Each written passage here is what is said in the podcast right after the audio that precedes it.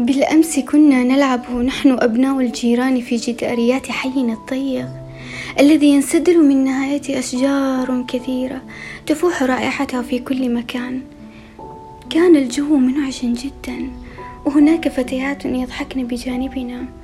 وعمي سعيد جالس أمام دكانه وبيده صحيفة. جارتنا المسنة أم كريم تصعق بصوت عال أن لا نرمي بالكرة على جدارها موجهة عصائها اتجاهي كما اعتدت على ذلك. شريط أحداث متقطع يمر أمامي. والآن أنا موجه نظري في اللامكان أشعر بهالة رمادية تطفو فوق رأسي.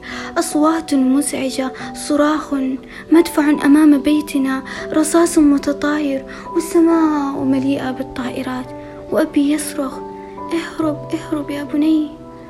وأخي توفيق يبدو أنه نائم ولكن لماذا كل البيت محطم وكل الجدران من فوقه؟ قطعت أمي هذا الشريط هزت كتفي قائلة سنرحل. سألتها إلى أين؟ قالت إلى لا أعلم لا أعلم يا صغيري. وقفت.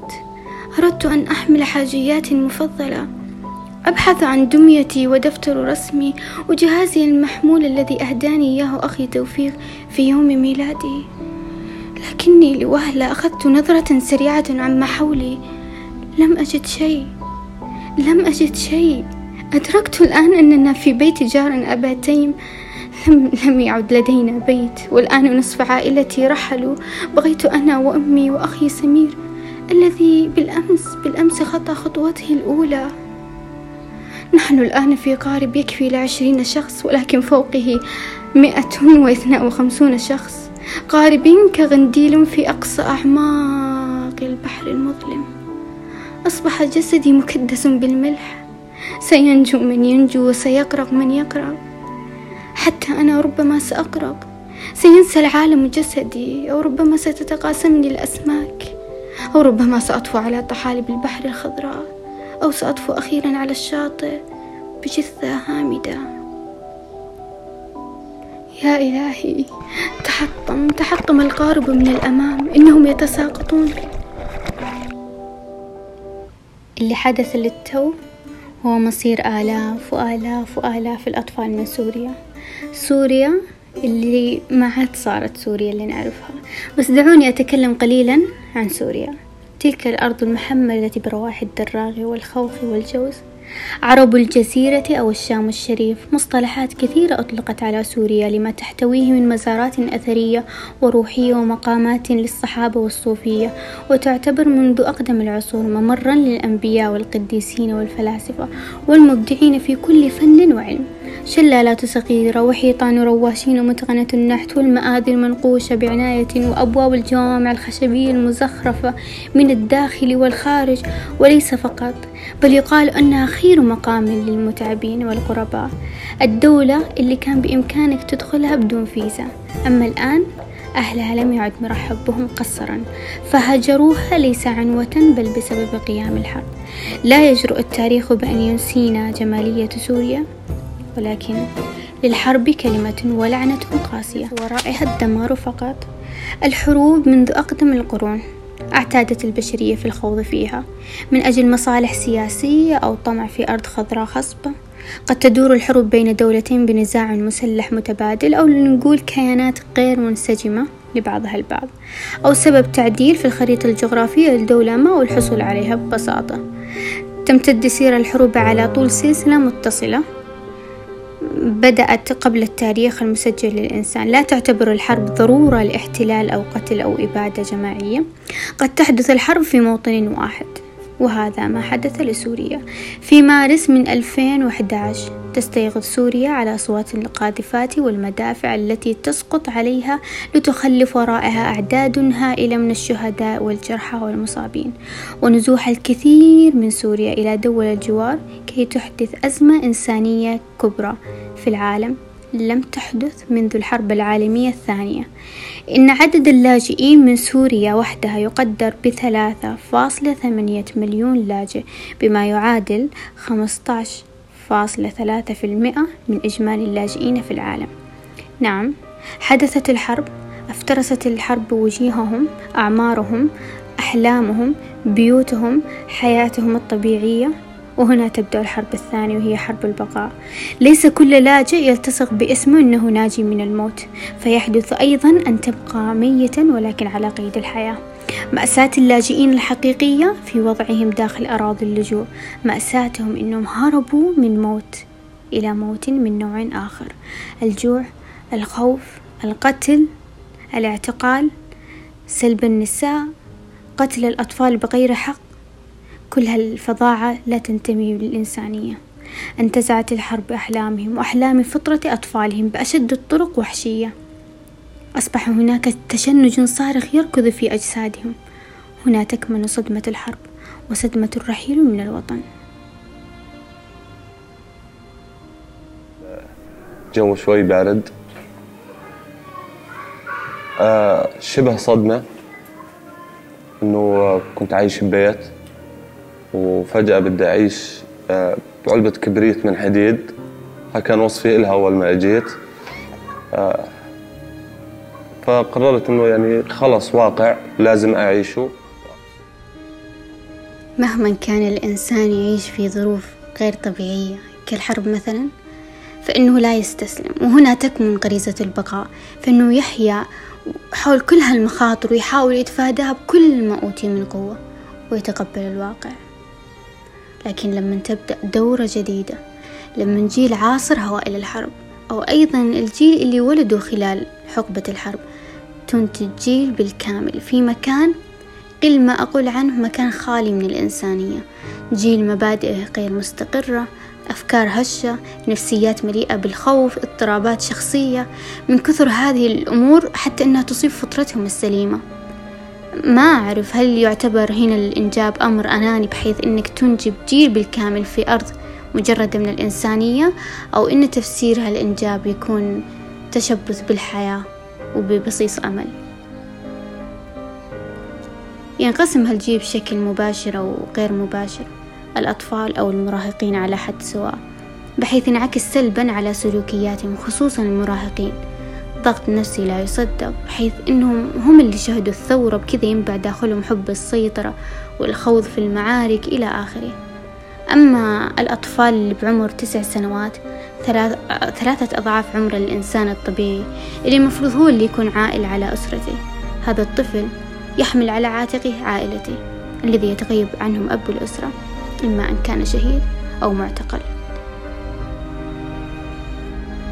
إنه هيك أنا كبرت وصرت أنا أصرف على العيلة وما في معين غيري. أما التأثر النفسي الغير مباشر يحدث بسبب مشاكل نفسية وراثية تنتقل لها الطفل بطريقة غير مباشرة. كيف يعني؟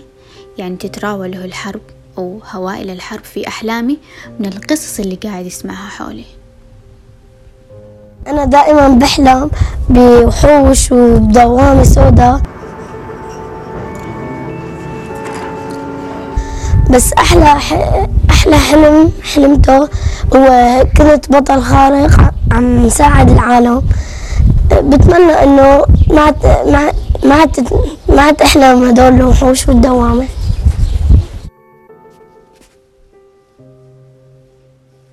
الخوف اللي يعيشه هؤلاء الناس بالأخص الأطفال صدقوني أرهب من الحرب نفسها بحيث إن الحياة الطبيعية ما صارت حق بإنهم يحظوا فيها. يعني صرنا هيك نخاف من صوت القذائف وال نخاف من صوت القذائف وال شو اسمه انفجارات وال صرنا نخاف معاش يعني نسترجي إن نطلع نلعب برا كثير وهاي. اثنين فاصلة ثمانية مليون طفل سوري لم يحظى بالتعليم لحد الآن. جيل يحلم بأنه يبني مستقبل بس الحاضر مو مهيأ تماما. اليوم في سوريا صارت القرارات الاعتيادية حول إرسال طفل إلى المدرسة أو إلى الحديقة قرارات حياة أو موت بسبب الاستهداف المستمر للمدارس وملاعب الأطفال. مع بداية الصراع قبل خمس سنوات وثقت اليونيسف أكثر من أربعة آلاف هجوم على المدارس. تخيلوا حتى وإن كانت في مدارس في نقص في الكادر التعليمي. أوكي في مباني للمدارس بس ما صارت صالحة للاستخدام بسبب تعرضها للضرر أو الدمار أو استخدامها كمأوى لاستضافة العائلات الهاربة من العنف.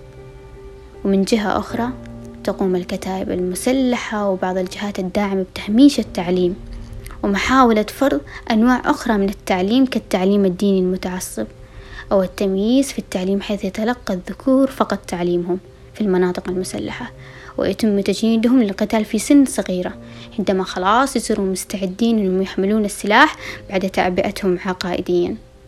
فالأطفال يعتبرون خزان احتياطي مهم للمقاتلين واستمرار الحرب.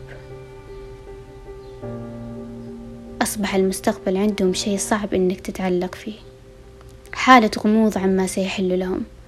ما أعرف صراحة. المستقبل ما يعني شيء إذا كنت في أرض سلبت منها مقومات العيش وسلم التطور. يعني أنا أحس أولادي يعني ما لهم مستقبل صراحة يعني. هم يحبون الدراسة ويحبون إنه يصير عندهم مستقبل. بس أنا يعني حاسة إنه ما في مستقبل لأنه من هسه ما في يعني لا تعليم يعني اندفاع قوي للتعليم ولا أي شيء. هيك والإنسان بس ما يكون من الطفولة عنده اندفاع قوي للتعليم. أحس يعني إنه مستقبله ما له بس يكبر على الفاضي. بالأخير يعني ما راح نحصد إشي يعني لهم هم تعبانين وأنا تعبانة يعني على الفاضي. ما راح يعني إنه يجيبوا شهادات عالية إنه يعني تعبهم أنتجوا منه. لا.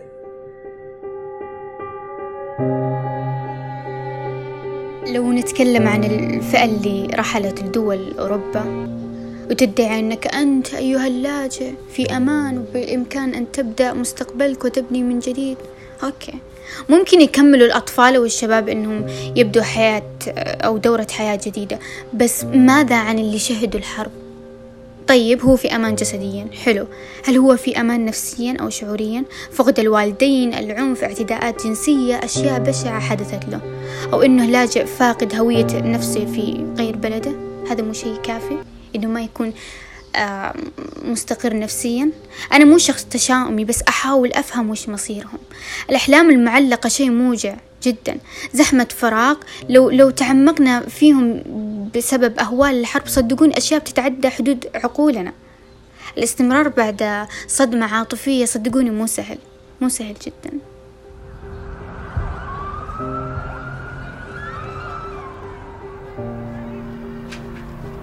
With everything around me here, but I'm still alone. I can't find myself. كل شيء كل شيء بسوريا مشتقت له يعني لا الأخ لا الأخت لا العم لا الخال لا الجار لا الشارع لزحمة فرن الخبز نروح الصبح نشتري الخبز نروح نشتري الخضرة صرفة المدارس روحة الطلاب على المدارس كل هذا نشتاق له ونحل له.